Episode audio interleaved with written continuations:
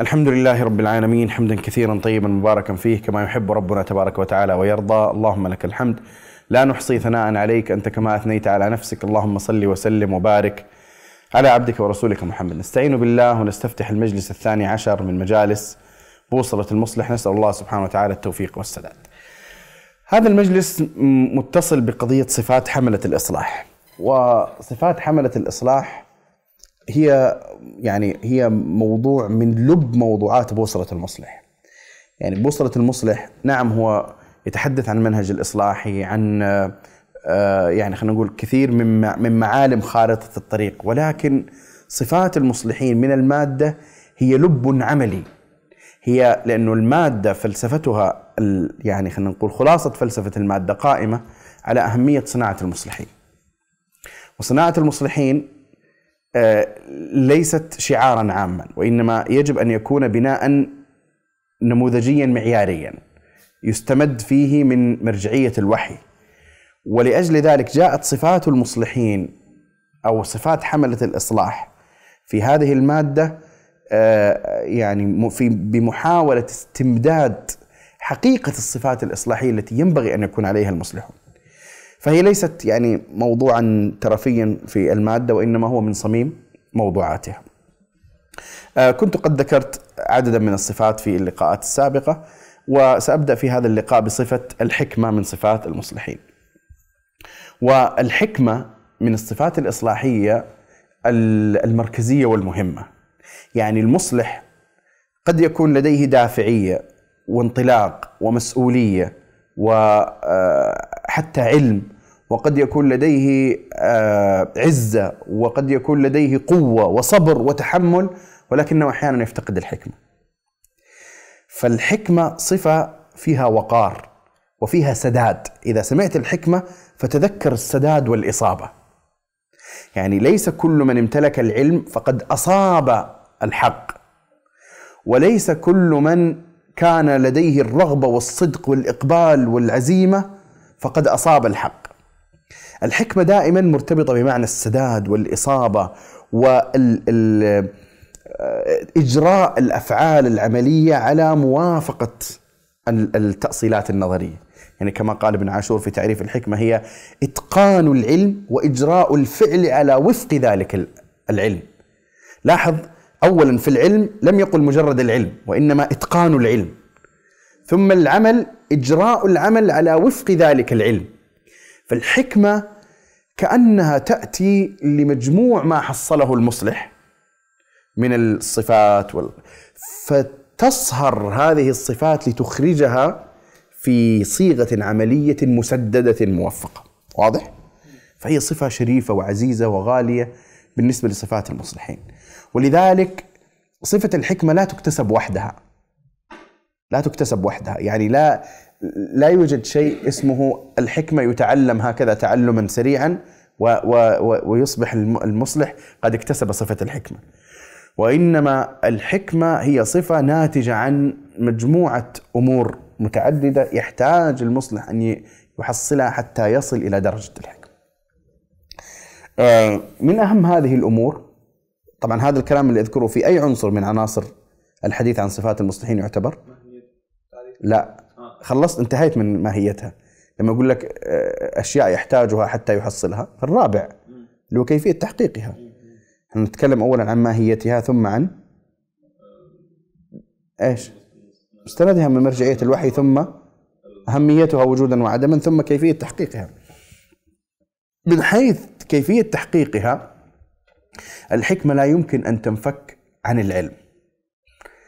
والعلم الذي أو من يظن أنه يكون حكيما دون أن يكون قد أدخل يده في بئر العلم وحمل من دلائه وتجرع من دلاء العلم من يظن أنه يكتسب الحكمة بدون هذا العلم فقد وهم.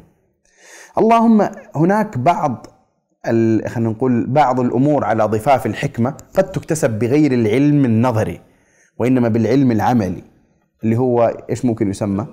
الخبرة والتجربة. الخبرة والتجربة هي أيضا وسيلة ل آه، لتحصيل الحكمة. إحنا نقول العلم الذي تحصل به الحكمة ليس أي علم. ليس مجرد يعني مثلا شخص أخذ في مصطلح الحديث كل المتون المختصرة وشروحاتها وفي أصول الفقه نفس الشيء وفي العقيدة نفس الشيء هذا الآن العلم الدراسي الذي يمشي الإنسان فيه في تأصيلات العلم وتأسيساته هذه مقدمات هذه لا توصل إلى درجة الحكمة. الحكمة فيها درجة استقرار درجة استقرار. ولذلك لا يمكن أن تكون الحكمة إلا بالاقتراب من كتاب الله سبحانه وتعالى ومن هدي النبي صلى الله عليه وسلم النظري والعملي. ولذلك من أعظم ما يكتسب الإنسان به الحكمة أن يفهم مركزيات الشريعة عن طريق آه، الخطاب القرآني وأن يفهم الهدي العملي النبوي. فالذي يقترب من مركزيات القرآن يتفقه في كتاب الله سبحانه وتعالى ثم يقترب من الهدي العملي النبوي السيرة النبوية العملية فإنه يكون قد سلك طريقا من طرق العلم يوصله إلى الحكمة بإذن الله تعالى بالإضافة إلى بقية ما يحتاجه الإنسان من آه، العلوم. مصاحبة الحكماء وذوي العقل والرأي هي مما يعين على اكتساب الحكمة كذلك. آه العمل نفسه والتجربة هو مما يعين الإنسان على اكتساب الحكمة. طيب إيش الدليل؟ نأتي للعنصر الثاني اللي هو المستند. إيش الدليل من مرجعية الوحي على أن الحكمة مهمة في السياق الإصلاحي تحديدا؟ أدعو إلى سبيل ربك بالحكمة. أدعو إلى سبيل ربك بالحكمة والموعظة آه الحسنة. البقاعي رحمه الله حين فسر الآية انظروا دقة هذا بس قبل ما أذكر كامل البقاعي خلينا نرجع لماهية الحكمة. إحنا قلنا ماهية الحكمة فيها إيش؟ فيها علم متقن دقيق واضح فيه إصابة وفيه عمل مبني على هذا العلم المتقن. طيب خلينا في العلم المتقن. العلم المتقن ما هي ماهيته؟ يعني يعني ما هو هذا العلم المتقن؟ أو ما الذي يدخل فيه؟ آه مما يدخل في العلم المتقن أو ضمن دائرة العلم المتقن معرفة مراتب الأولويات ومراتب الصلاح، مراتب العلم، مراتب الخير ومعرفة درجات الشر. ولذلك من أهم ما يدخل في الحكمة هو تقديم خير الخيرين وقد يدخل في الحكمة ارتكاب أدنى المفسدتين إذا لم يكن هناك وسيلة لدفع المفسدة العليا إلا بالمفسدة الصغرى. فمعرفة درجات الأمور على مقتضى العلم أو العلم الذي يؤدي إلى معرفة المراتب والأولويات والفقه فيها هو من صميم الحكمة. ولذلك هنا يأتي كلام البقاعي الذي أعجبني جدا في آه، تفسيره للحكمة. ادعو إلى سبيل ربك بالحكمة. انظروا ماذا يقول. يقول عن الحكمة هي المعرفة بمراتب الأفعال. هي المعرفة بمراتب الأفعال في الحسن والقبح والصلاح والفساد. وقيل لها حكمة لأنها بمنزلة المانع من الفساد.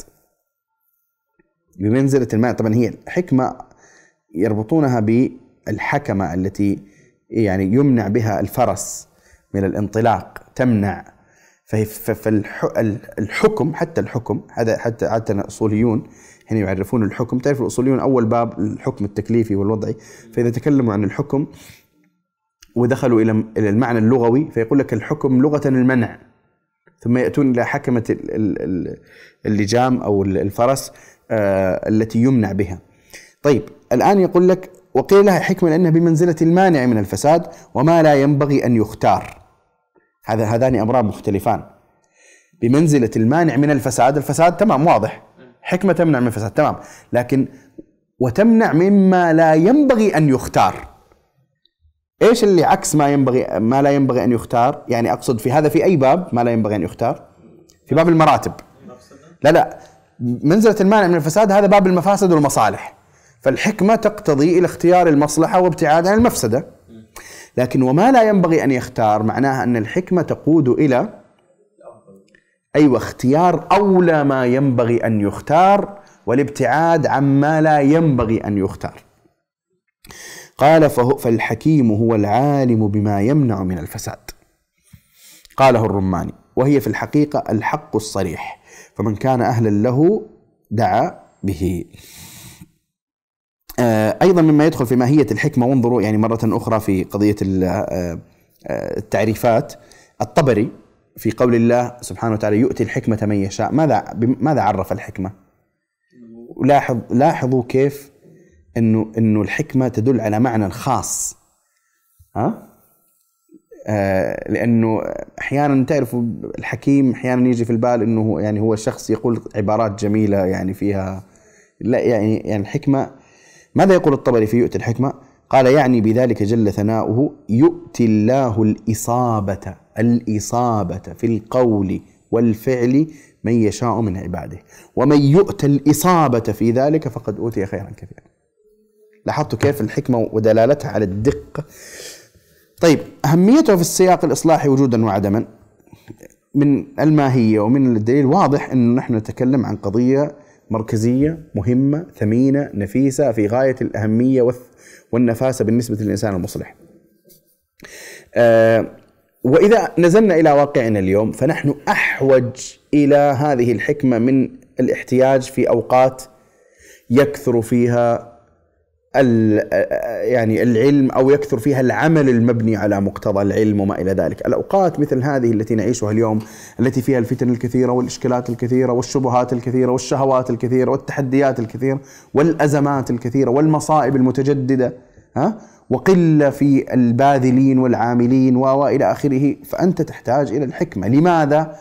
لأن من أولى ما ينتج عن الحكمة بالنسبة للمصلح في مثل هذا الواقع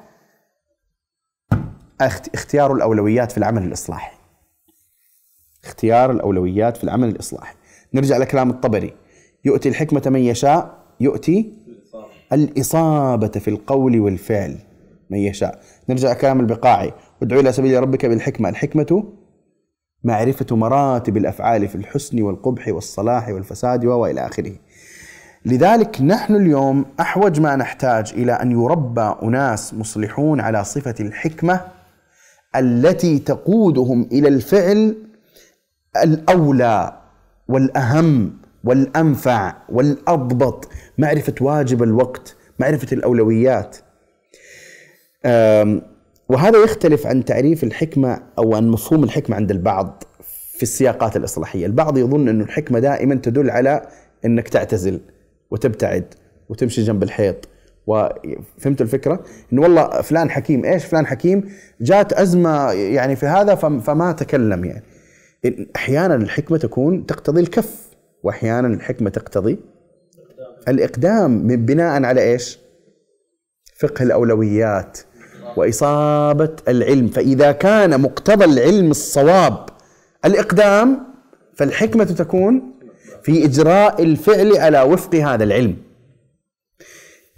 واليوم نحن من الأسئلة الكبرى الموجودة في الواقع اليوم أسئلة سؤال الوجهة وسؤال الأولويات وسؤال واجب الوقت، إيش أسوي؟ إيش الأولى؟ هذه الأسئلة إيش أبرز صفة متعلقة بها من صفات المصلحين؟ الحكمة. فهمتوا الفكرة؟ لذلك ونرجع لصعوبة قضية الحكمة، طب كيف تكتسب الحكمة؟ أيوه الحكمة ما هي واحد اثنين. يعني مثلا لما تقول العلم العلم له مناهج صح إنه يحتاج طريق طويل لكن له مناهج واضح. بس الحكمة ما في كتاب معين من يقرأه يأخذ الحكمة. وأعظم المصادر أعظم المصادر في الحكمة على الاطلاق القرآن. حقا وحقيقة ليس كلاما. يعني من يقرأ القرآن قراءة المتفقه المتعلم المتدبر الذي يريد أن يفقه ويعي عن الله خطابه ويفقه سير الأنبياء المذكورة في القرآن وكيف أجروا الأفعال على مقتضى العلم الذي أوحاه الله إليهم فإنه يكون قد أخذ من الطريق إلى الحكمة بأوثق سبيل. آه ثم بعد ذلك سنة النبي صلى الله عليه وسلم وهديه العملي. هذه أعظم وأوثق الطرق في الحكمة. طيب آتي الآن لباب متعلق بالأولويات ومتعلق بمراتب ال ال الأولوية في الواقع وهو متصل بالحكمة. هو يعني يعني هو موضوع أنا كنت قد نويت أن أفرده أصلا بشكل مستقل آه، لكن له ارتباط بالحكمة من هذه الجهة من جهة الأولويات أولويات الإصلاح والاحتياج إليها. ألا وهو موضوع الاحتياج إلى التجديد في الواقع آه، في كثير من مقتضيات العمل الإصلاحي. الفكرة التجديد هي فكرة قد يعني ينظر إليها بمفهوم ضخم وكبير وقد يفهم وقد ينظر إليها من جهة كونها ملفات متعددة ومجزأة تحتاج إلى تجديد فيها. وأنا برأيي أهمية النظر بقضية الملفات غير النظر العام. يعني آه، واقعنا في العلم الشرعي يحتاج إلى تجديد في كثير من تفاصيله.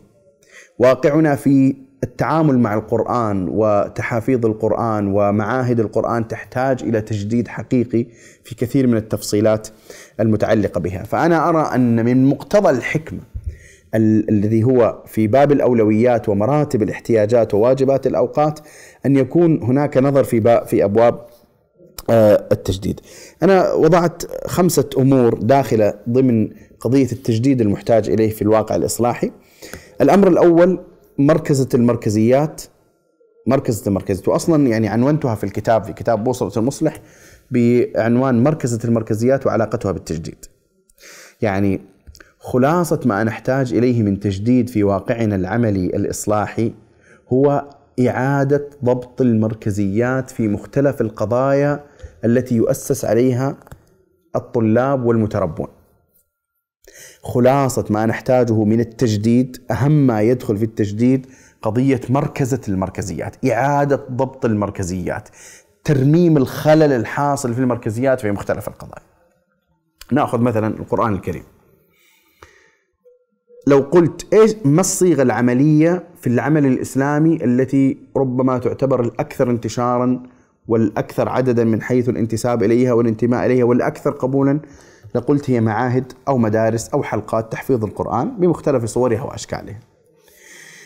آه هذا هذه العناية بالقرآن الكريم هي أمر شريف عزيز سواء كان بالحفظ أو بأداء التلاوة كلها أمر شريف عزيز. أي شيء متصل بالعناية بكتاب الله سبحانه وتعالى مهما كان فهو أمر شريف عزيز ولكن إذا أردنا أن نضع نقاط ثقل للاعتناء بالقرآن الكريم ما بين واقعنا اليوم وما بين حياة النبي صلى الله عليه وسلم. وطبيعة المركزيات تجاه القرآن في وقت النبي صلى الله عليه وسلم مع أصحابه سنجد أن نقاط الثقل والمركزيات في الاهتمام قد اختلفت مع الزمن. اختلفت مع الزمن. ففي وقت النبي صلى الله عليه وسلم كان هناك مركزيات معينة في العناية بالقرآن بدأت تخفت وصارت هناك مركزيات أخرى. مثلا قضية الحفظ قضية حفظ القرآن. حفظ القرآن لا يختلف أحد يعني لا ينبغي أصلا أن يكون اختلاف هناك اختلاف لا من الجهة النظرية ولا من الناحية العملية على أهمية حفظ القرآن وعلى مكانة ومنزلة حافظ القرآن. ولكن في سلم العلاقة بالقرآن في سلم العلاقة بالقرآن أو واجبات العلاقة بالقرآن أو مفردات العلاقة بالقرآن في سلم الأولويات الحفظ ليس الأولوية. ليس هو رقم واحد. هناك أولويات أخرى. أصلا الفكرة هي أنه من أهم الأمور في العلاقة بالقرآن أن يضع الإنسان إطارا في طبيعة علاقته بالقرآن فيجعل القرآن وطبيعة علاقته بالقرآن مؤدية إلى نتيجة معينة وثمرة معينة. يعني حديث جندب رضي الله تعالى عنه حين قال كنا غلمانا حزاورة عند رسول الله صلى الله عليه وسلم فتعلمنا الإيمان قبل أن نتعلم القرآن ثم تعلمنا القرآن فازددنا به إيمانا لاحظوا الظرف الإيماني محيط بالقرآن والقرآن صار هو الحامل الموصل إلى نتيجة الاستواء الإيماني والذكاء الإيماني. فالذي يدخل إلى القرآن بهذه العين التي كانت موجودة عند الصحابة في وقت النبي صلى الله عليه وسلم تعلمنا الإيمان الذي هو هنا والله أعلم العلم بالله وبأسس دينه وإصلاح القلب واستصلاحه ليتلقى القرآن ها؟ الذي يحيط القرآن بهذا الظرف الإيماني العميق ويجعل القرآن سببا في تنمية الإيمان هو يدخل إلى القرآن بهذه العين وهذه النفس. هنا ستكون العلاقة بالقرآن علاقة عجيبة. مختلفة عن أنه الهدف الأساسي هو أن أكون حافظا واضح الفكرة؟ لذلك أنا برأيي أن من أولى ما يحتاج إليه في حلقات التحفيظ القرآن وفي معاهد تحفيظ القرآن هو إعادة العناية بقضية تعظيم القرآن وأثره الإيماني على الطالب. العناية بأن أن يغذي القرآن الإيمان. ولذلك ليس من نافلة القول ولا من نافلة العمل أن يكون هناك ضمن حلقات تحفيظ القرآن مجالس للاستهداء بالقرآن. مجالس لتزكية النفس عبر القرآن الكريم، مجالس ولا تكون هذه مجرد تكملة في يعني خلينا نقول حزمة الاهتمام بالقرآن وإنما تكون أمرا أساسيا مما ينبغي العناية به. إذا انتقلنا إلى العلوم الشرعية. يعني إحنا عندنا الآن عندنا إطاران اثنان لتلقي العلوم الشرعية من حيث الكثرة. الإطار الأول الإطار الأكاديمي. دراسات الشرعية الأكاديمية والإطار الثاني الإطار آه، اللي خارج عن النطاق الأكاديمي سواء كان معاهد شرعية أو حلقات مساجد أو ما إلى ذلك آه، هناك مقاصد للعلم في الإسلام هناك مقاصد للعلم في الإسلام هذه المقاصد تنقسم إلى نوعين، مقاصد عامة ومقاصد خاصة. العلم له مقصد عام وهو أن يكون قائدا إلى العمل. والعلم إنما يراد للعمل. والطالب يجب أن يستحضر على طول الطريق أنه يتعلم العلم ليعمل. سواء ما العمل الذاتي المتعلق بالتزكية أو العمل المتعدي المتعلق بالإصلاح والدعوة. جيد؟ هذه مقاصد عامة للعلم. ولذلك الله سبحانه وتعالى يذكر في القرآن العلم بمقاصده فيقول إنما يخشى الله من عباده العلماء ويقول أمن هو قانت آناء الليل ساجدا وقائما يحذر الآخرة ويرجو رحمة ربه. قل هل يستوي الذين يعلمون والذين لا يعلمون؟ ويقول شهد الله أنه لا إله إلا هو والملائكة وأولو العلم قائما بالقسط لا إله إلا هو. آه هذه مقاصد عامة للعلم. في مقاصد خاصة للعلوم. كل علم من العلوم الحديث العقيدة كذا. لها مقاصد معينة. هذه المقاصد كثيرا ما تغيب عن أذهان الطلاب وعن أذهان المدرسين. المدرس الذي يدرس هذه العلوم الشيخ العالم أيا كان الذي لا يضع عينه على مقاصد كل علم فيسعى لربط الطالب بمقاصد هذا العلم ليحقق بالدروس التفصيلية مقاصد ذلك العلم. هذا إشكال ونقص. لا يخرج أناس لديهم وعي عميق بهذا العلم. نحن نحتاج إلى الوعي الشرعي وليس فقط إلى العلم الشرعي. واضح الفكرة؟ إذا هذه من القضايا التي تحتاج إلى تجديد. وأيضا من الأمور المتعلقة بالعلم الشرعي ومما يحتاج إلى التجديد ما يتعلق بعلاقة العلم والطالب العلم بواقعه التحديات الموجودة خاصة التحديات من الناحية الفكرية المعارضات الموجودة في الواقع لهذا العلم الذي يتعلمه الطالب. آه، مهم جدا أن يكون هناك استحضار أثناء دراسة هذا العلم لمثل هذه الخارطة من الإشكالات وملء الفراغات في هذا هذه القضية، هذا حديث مختصر جدا يعني عن قضية مركزة المركزيات وأهميتها في قضية التجديد، يعني إذا أردنا نتكلم عن التجديد كما قلت القضية الأولى مركزة المركزيات وضبط المركزيات. من ما يدخل في المركزيات؟ إزاحة المركزيات غير الصحيحة، عموما لي محاضرة موجودة في اليوتيوب بعنوان مركزة المركزيات تكلمت فيها عن هذا المعنى. ولي محاضرة أيضا بعنوان التجديد الفكري. تكلمت فيها عن معنى مركزة المركزيات وعلاقته بالتجديد. مما يدخل بالتجديد ومما هو من مقتضى الحكمة على ما ذكرت التفعيل الشمولي لمرجعية الوحي. التفعيل الشمولي لمرجعية الوحي. لا يصلح أبدا أن ينشأ طالب ويربى في محاضن أو في مراكز أو في معاهد تحفيظ أو أيا كان ولا يكون له ارتباط شعوري وعملي حقيقي تفصيلي شمولي بمرجعية الوحي. فحين يكون حظ طالب من مرجعية الوحي الحفظ فقط هذه مشكلة. لذلك نحن نحتاج إلى ربط الطالب بمرجعية الوحي وهذا سياق تجديدي مهم جدا في التنشئة والتربية وصناعة المصلحين. وهذا له تفاصيل كثيرة جدا. يعني مثلا الآن حين نذكر صفات المصلحين وكل صفة من صفات المصلحين نقول مستندها من مرجعية الوحي مستندها من مرجعية الوحي. هذا الآن ربط.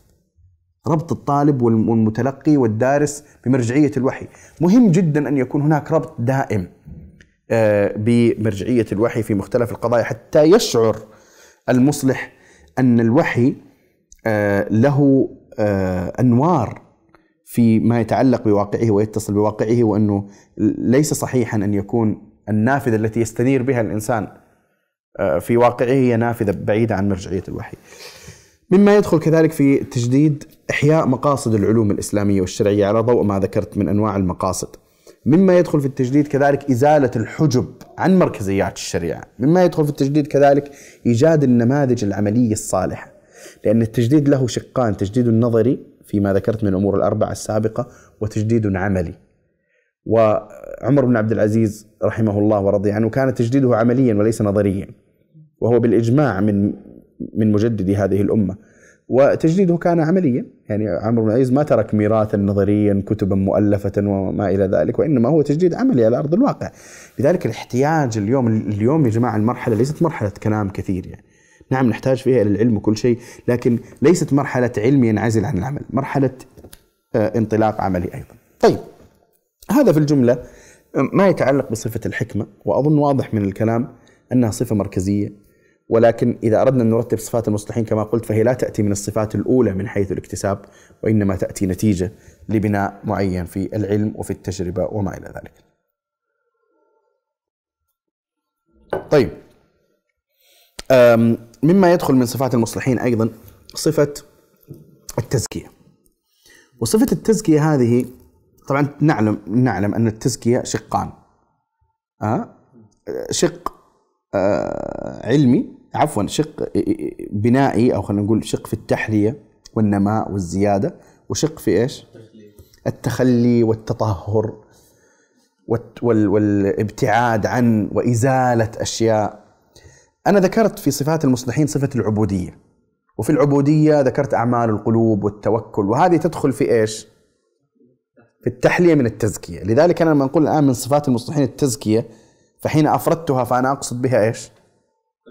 القسم الثاني اللي هو التخلية التطهر آه كما أن ال ال ال ال يعني خلينا نقول الأدوات تت يعني خلينا نقول تتأثر سلبا بكثرة الاشتغال وكما أن الثياب تخلق مع كثرة الاستعمال وكما أن الحديد يصدأ فإن القلوب يطرأ عليها التغير والجمود كما يطرأ على بقية الأشياء. بل إن التغير الذي يكون في القلب أحيانا يكون أسرع من غيره. والمصلح يحتاج إلى تطهير وتنظيف دائم لقلبه من الدواخل التي دخلت عليه. والإنسان هنا قد يجد نفسه عاجزا عن أن يعبر عن مقدار ما يمكن أن يتغير من من الإنسان بسبب الدواخل على قلبه. ولذلك المصلح الذي لا يكون يقظا للتغيرات التي تحدث عليه في قلبه من حيث آه، يعني أمراض القلوب وأدواء القلوب فإنه قد يسقط في الطريق بسبب التآكل الداخلي الذي حصل له وهو لا يشعر. آه، لذلك من أهم صمامات الامان بالنسبة للمصلح أن يزيد من حساسية الشعور بأمراض القلوب. يعني آه، هناك وسائل. محاسبة النفس. دوام محاسبة النفس. وبالمناسبة ترى هذه محاسبة النفس هذه من أبجديات التزكية عند العلماء. يعني دائما يتكلمون عن محاسبة النفس محاسبة النفس. محاسبة النفس من ميزاتها أنها تعطي مؤشر للتغيرات. جيد؟ الإنسان الذي لا يحاسب نفسه يضربه داء من أخطر الأدواء على الإطلاق اللي هو داء الغفلة. داء الغفلة. داء الغفلة مشكلته إذا مشكلته إذا جاء يأتي ثقيلا. غفلة ثقيلة تخيم على القلب. ومشكلة داء الغفلة المشكلة الثانية هذه المشكلة الأولى في داء الغفلة. المشكلة الثانية في داء الغفلة أنها أن هذا الداء عفوا يأتي معه بأمراضه التفصيلية. يعني الغفلة لا تأتي وحدها. الغفلة تأتي وتحمل معها العقارب والحيات والأمراض الجزئية. فالغافل يلدغ. تارة يلدغ من عقرب الكبر وتارة يلدغ من أفعى الحسد وتارة يلدغ من إلى آخره. واضح الفكرة؟ لذلك التزكية من جهة التخلية بالنسبة للإنسان المصلح هي من الأمور المحتاجة. مما ينبه الإنسان لهذه التزكية غير قضية المحاسبة اللي هو إيش؟ أيضا اليقظة اللي هي معارضة للغفلة دوام اليقظة. واليقظة هذه تحتاج إلى إحياء رباني للقلب ودوام الإحياء الرباني للقلب. في معنى يا جماعة في الشريعة مهم جدا. أنتم ما تلاحظوا انه إحنا نعيد نفس الأذكار كل يوم. نفس الأذكار. أذكار الصباح والمساء. في في ذكر اليوم السبت وذكر اليوم الأحد وذكر اليوم الجمعة وذكر اليوم الاثنين وذكر ولا نفس الأذكار؟ نفسها صح؟ الفاتحة تعيد في الركعة الأولى والركعة الثانية والركعة الثالثة والركعة الرابعة. تجي العصر تعيد نفس الأربع ركعات بعدين المغرب في الثلاث ركعات بعدين كل صلاة أنت تعيد الفاتحة تعيد الفاتحة الفاتحة الفاتحة الفاتحة. تمام؟ آه أذكار بعد الصلاة تعيد نفس الأذكار نفس الأذكار نفس الأذكار نفس الأذكار. أنت لما تقول آه كل يوم آه اللهم إني أسألك خير ما في هذا اليوم وخير ما بعده. واليوم اللي بعده أسألك خير ما في هذا اليوم وخير ما بعده. واليوم اللي بعده أسألك خير ما في هذا اليوم وخير ما هذا التجديد في مختلف القضايا هي لاحظ مو في ذكر واحد هو في مختلف الأمور الشرعية هذا التجديد إيش معناه؟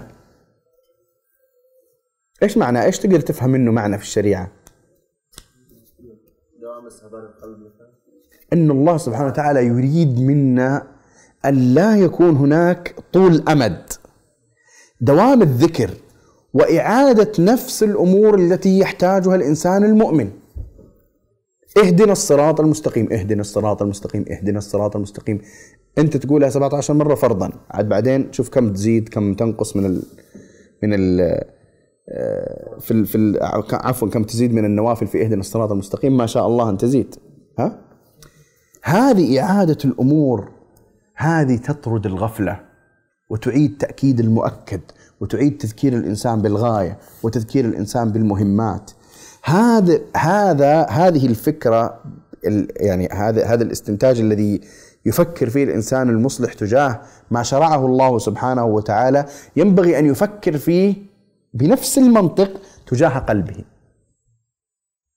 إنه القلب يحتاج إلى تعاهد بهذه الطريقة وهو أصلا هذا الذكر هو من جملة تعاهد القلب أصلا. لكن هذا المعنى أنت تحتاج دائما انه وتعرف يروى في الحديث آه، إن الإيمان ليخلق في قلب أحدكم كما يخلق الثوب. فجددوا الإيمان في قلوبكم. هذا تشبيه أيضا بقضية إنه الثوب أيضا يخلق. آه خلاصة الكلام صفة التزكية من صفات المصلحين من جهة التخلي هي صفة مركزية يحتاج المصلح إليها بشكل دائم. خاصة إذا كان طريق الإصلاح في مكتسبات مادية. مكتسبات المادية بطبيعتها لها تغلغل ودخول ونفوذ إلى صميم القلب. ولذلك النبي صلى الله عليه وسلم كان يحذر أصحابه مبكرا من هذه الإشكالية التي يمكن أن تطرأ لهم فيقول لهم إذا فتحت عليكم فارس والروم أي قوم أنتم كذا كذا كذا إلى آخره. طيب آه، الصفة الثالثة في هذا اللقاء آه، وهي أظنها في التسلسل العام تكون الرابعه عشره إذا لم لم أهم آه، هي صفة العزة. صفة العزة. وصفة العزة هي من الصفات التي يحتاجها المصلح دائما ولكن هناك سياقان يحتاج إليهما أو فيهما إلى العزة أكثر من غيرهما. سياقها الأول هو سياق يعني خلينا نقول الإغراءات التي تعترض المصلح في طريقه. والإغراءات هذه ليس بالضرورة الإغراءات, الإغراءات اللي هي من معنى المساومة. أحيانا الإغراءات إغراءات ذاتية متعلقة بشهوات معينة تعرض في طريق المصلح. ترى أحيانا يكون سبب ترك الإنسان للمعاصي هو العزة. أحيانا يكون سبب ترك الإنسان للمعاصي هو العزة. واضح الفكرة؟ ليش؟ من أي جهة؟ أيوه أنا أكرم نفسي وأعزها ها وأرفعها عن أن تتدنس. لذلك جاء في كتاب الله سبحانه وتعالى قد أفلح من زكاها وقد خاب من دساها. فالمعاني الإيمانية معاني شريفة وعالية. فالعزيز يسعى لهذه المعاني والمعاني السيئة هي معاني دنيئة ومنخفضة. فالإنسان يعتز ويعني يرفع نفسه عن أن ينزل إلى هذا القاع جيد؟ لذلك مثلا الآن من من أكثر الذنوب الموجودة والشهوات الموجودة مشكلة مشاهدة المحرمات وطبيعتها أنه كثير ممن يقع فيها بطبيعتها أنه يقع فيها بصورة الإدمان وعدم القدرة على الانفكاك.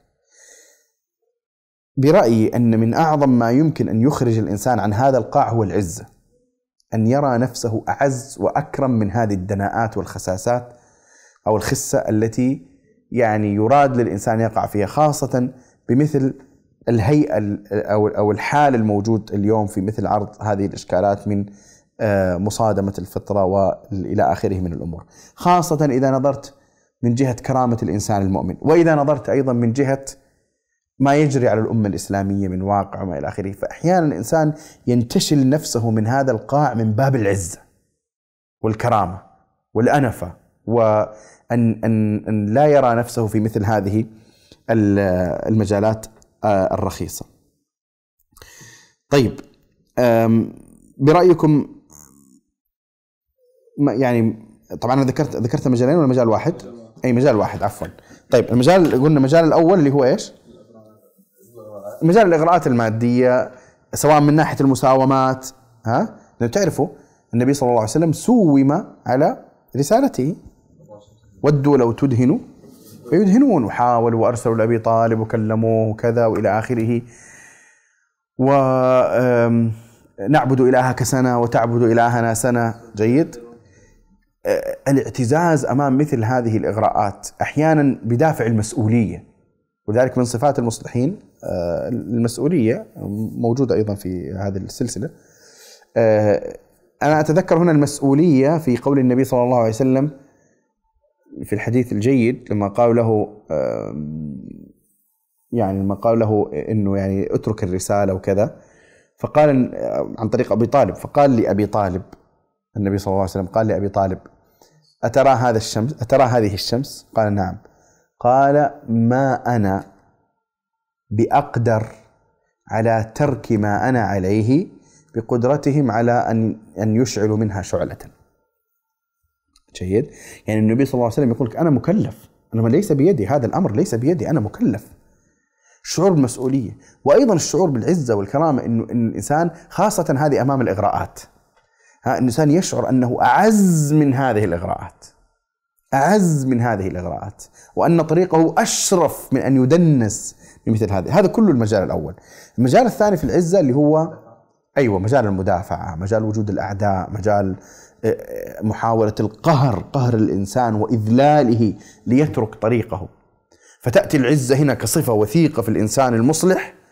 تأتي العزة هنا لتكون مانعا للمصلح من أن ينكسر أمام هذه الضربات التي آه، آه، تأتيه. وعلاقة هذه بهذه واضحة يعني علاقة العزة بالمنع من الضعف أمام الضربات هذا واضح. في آه، قول الله سبحانه وتعالى طبعا لما تعكس القضية تشوف الذله اللي كانت موجودة عند المنافقين وكيف أن فقدانهم للعزة كان سببا في انحرافهم. كان من من أسباب انحرافهم وذلك في قول الله سبحانه وتعالى آه إن الذين آمنوا ثم كفروا ثم آمنوا ثم كفروا ثم ازدادوا كفرا لم يكن الله ليغفر لهم ولا ليهديهم سبيلا بشر المنافقين بأن لهم عذابا أليما الذين يتخذون الكافرين أولياء من دون المؤمنين. أيبتغون عندهم العزة؟ فإن العزة لله جميعا.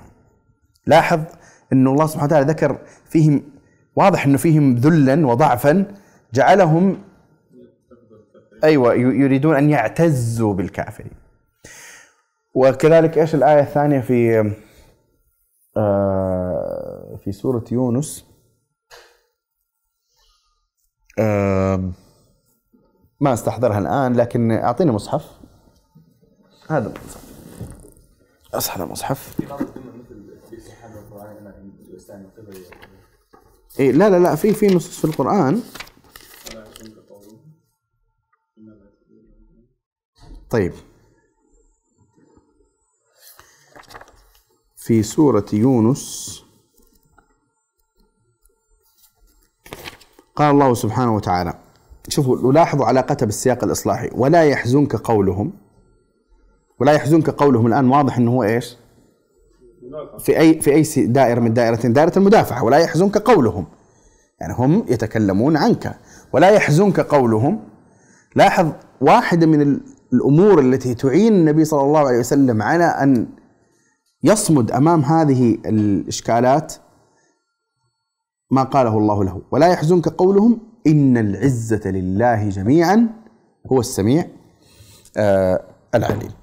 طيب عموما آه قال الله سبحانه وتعالى من كان يريد العزة فلله العزة جميعا إليه يصعد الكلم الطيب والعمل الصالح يرفعه إلى آخره. مما يعين على تحقيق هذه العزة طبعا إذا أتينا الأهمية واضح أهمية العزة في الصمود أمام التحديين. هذه الأهمية الأساسية من حيث الوجود. مما يبرز أهميتها أن تتخيل فقدان المصلح لقيمة العزه فهو يسير طالما أن الأمور مقاربة الظروف الخارجية. فإذا جاءت الإشكالات تجده ينهزم أمام التحديات. النقطة الأخيرة في العزة كيفية تحقيق هذه الصفة. هناك أكثر من وسيلة لتحقيقها. من أهمها ما يتعلق بالسياق التربوي وتنشئة الطلاب مبكرا. يعني مهم جدا أن يراعي المربي والمعلم حتى معلم القرآن هنيجي قضية القرآن والعلاقة بالقرآن. مهم جدا انه هو أن يلاحظ الذي أمامه على أنه إنسان مؤمن ينبغي أن يزكى ويربى على معالي الأمور. ومن جملة هذه المعالي آه، قضية العزة. فهذه العزة من أهم موارد اكتسابها موارد اكتسابها التربية. أن يربى الإنسان على معنى العزه. كيف يربى على معنى العزه؟ هذه قصة تفصيلية معينة بس الفكرة إنه ملاحظة أهمية أن يكسب الطالب معنى العزه. أن يربى على معنى العزة وهذا بطبيعة الحال سيجعل السياق ليس سياقا مجرد أمور نظرية وإنما يجب أن يكون هناك تربية عملية تربي الإنسان على العزة والكرامة آه، آه، لكم أن تتخيلوا يعني خلينا هذا برضو من مرجعية الوحي. مرجعية الوحي مو لازم يكون دليل يعني معين نصي. لكن تفهم من مدرسة النبي صلى الله عليه وسلم. يعني أنا أتخيل أن أنت تلاحظ العزة اللي في الصحابة. عجيبة صح عزة غريبة يعني. أي عجيبة يعني. عزة. طيب ليش؟ أنا برأيي أن طبيعة المدرسة النبوية تخرج هذه العزة. كيف؟ أمور متعددة. من جملتها من جملتها أن الصحابة بأم أعينهم رأوا ظرف الإسلام وهو ينشأ في حالة ضعف وما في أي مقويات خارجية ثم الإسلام واضح وفي مواجهة بالحق للباطل واستعلاء إيماني عجيب عجيب. يعني هذه مستندة من القرآن. اقرأ القرآن اقرأ الآيات المكية. غريب. يعني في مما نزل في مكة تخيل بعد ما ذكر الله سبحانه وتعالى الأقوام السابقة. ذكر قوم نوح ثم ذكر قوم عاد عاد ثم ذكر ثمود ثم ذكر قوم لوط ثم ذكر فرعون ثم ماذا قال الله سبحانه وتعالى؟ لاحظوا الآية هذه تنزل على المشركين. ثم يقول الله سبحانه وتعالى أكفاركم خير من أولئكم؟ شو أكفاركم خير من أولئكم أم لكم براءة في الزبر؟ أم يقولون نحن جميع منتصر؟ سيهزم الجمع. ويولون الدبر. بل الساعة موعدهم والساعة أدهى وأمر. إن المجرمين في ضلال وسعر يوم يسحبون في النار على وجوههم. ذوقوا مس سقر. إيش الآيات؟ تخيل مسلم مسلم ضعيف. يعني لسه هم في الحبشة ورايحين وبيجوا بيروحوا المدينة ما هم لاقين مكان. والآيات اللي يخاطب بها المشركون بهذا المستوى. كيف ما تصنع في في نفوسهم العزة والكرامة؟ ويرون النبي صلى الله عليه وسلم أمامهم وهو يبلغ هذه الآيات ويتحمل الأذى. طبعا تصنع نفوس على العزة والكرامة. تصنع نفوس على العزة والكرامة. لو كان السياق مختلفا وحاشا أن يكون نبي الله كذلك لكن لو سياق آخر مثلا ها إنه محاولة يعني الرضوخ والمساومات واللين وتليين المفاهيم الإسلامية ما أتكلم عن التعامل ها هم يعني كانوا يضعون أماناتهم عند النبي صلى الله عليه وسلم والنبي صلى الله عليه وسلم يأخذ الأمانة لكن في الحق وفي وضوحه وفي كذا تخيل لو كانت القضية لا أنه يعني مدري إيش ننظر إلى المشتركات الوطنية بيننا وبين قريش التي تجمعنا وتتلف المجتمع وهذا وبقيت اختلافات عقدية يسيرة بيننا وبين قريش فهمت الفكرة؟ يعني تخيل لو كانت القضية أي تعز أنت تربى على إيش؟ أنت أصلا ما تشوف فرق بينك وبين الكافر بل بالعكس أحيانا بعض الخطابات الإسلامية الموجودة اليوم تحس من أنه الكفار أحسن منا أصلا فعلا. إيوه يعني سووا عماير وسووا صناعة وطلعوا القمر ومدري إيش وأنتم كذا وهذا. واصلا يعني الفرق الوحيد بس باقي لهم شيء واحد إنهم بس يسلموا يعني ما بقي يعني فهمت الفكرة؟ وكأنه القضية يعني هي مترتبة يعني هذه نتيجة الكفر وهذه نتيجة الإسلام، ليس هذه هذه نتائج سنن معينة وأشياء طبيعية ليست ليست متعلقة بالكفر إنه الكافر سيكون كذا والمسلم وجات مرحلة سابقة كان الكفار في حالة فقر وتخلف علمي وكان المسلمون هم اللي جالسين يسووا الجسور والدنيا ويرتبوا الشوارع. يعني هذاك دليل بحد ذاته على صحة الإسلام وعلى هذا ليس دليلا مستقلا. فالفكرة إنه إنه التربية على مثل هذه لذلك من يتأمل في المدرسة النبوية خاصة في المرحلة المكية يعرف لماذا خرج الصحابة أعزة يعرف لماذا خرج الصحابة كان فيه مساومات كان فيه أشياء كان في كذا. كان الخيار واضحا تريدون أن تسلموا من كل هذا؟ اتركوا هذه المفاهيم الأساسية التي عندكم العقائد وخلاص. إحنا حبايب يعني. من الأمور أيضا التي تصنع العزة عند الإنسان أنه أنه يكون عنده استقلالية. يعني كلما كانت يدك سفلى كانت كلمتك أقل آه، استقلالية وبالتالي كنت أقل عزة. وإذا كانت يدك عليا تعرف النبي صلى الله عليه وسلم شبه اليد المنفقة باليد العليا واليد الآخذة باليد السفلى. لذلك أحيانا الإنسان يكون عنده علم ويكون عنده حب لله ولرسوله وكل شيء لكن الذي يمنعه من الاستقامة والصدق والصبر والهذا إلى آخره هو أنه مرهون بعدم استقلالية معينة. أحيانا مصدر مالي معين ما يستطيع أنه هو يعني يقول كلمة معينة. ف لذلك من مصادر العزة وجود الاستقلالية والحرية عند الإنسان. هذه تجعل الإنسان له مساحة معينة يستطيع أن ينطلق فيها حتى لو كان فقيرا. حتى لو كان فقيرا. غير لما تكون أنت مرهونا يعني. من الصفات أيضا من صفات المصلحين وهي آخر صفة في هذا اللقاء وهي كم المفروض تكون؟ الخامسة عشرة فيما أظن في التسلسل.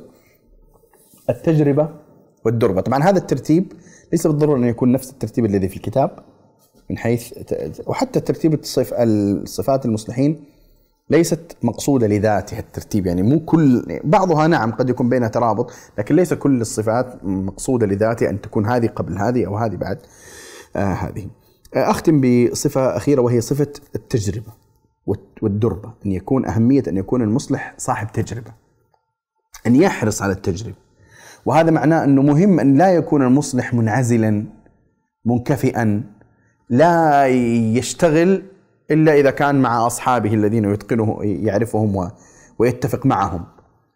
أما إذا خرج إلى الواقع فلا يستطيع أن يتفاعل مع أحد. هذه إشكالية في المصلح إشكالية في المصلح.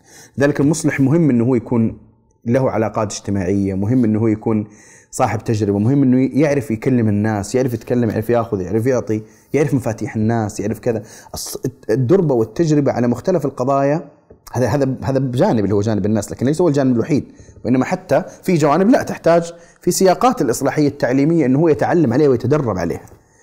وأنا أقول يعني من الأدلة على ذلك في مرجعية الوحي آه ما ذكره النبي صلى الله عليه وسلم في البخاري. ما من نبي إلا رعى الغنم. ما من نبي إلا رعى الغنم. والعلماء ذكروا يعني معنى في ذلك من حيث الحكمة. آه نعم ابن حجر رحمه الله تعالى قال قال قال العلماء هكذا قال قال العلماء الحكمة في إلهام الأنبياء من رعي الغنم قبل النبوة أن يحصل لهم التمرن. راح راح عشان نرجع مرة ثانية أن يبغى قصة لكن عموما قال أن يحصل لهم التمرن ثم ذكر ذكر من الأمور المتعلقة بايش الأشياء الموجودة في تربية أو في رعاية الغنم التي يمكن أن يستفيد منها النبي. فالغنم مثلا ضعيفة وتحتاج اهتمام ورعاية.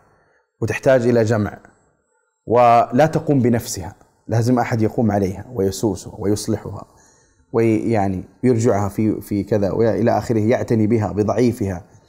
ف هذه العناية والحرص والشفقة والرحمة والعناية بصغيرها وكذا هذه من جملة ما يتدرب ويتعلم به الإنسان.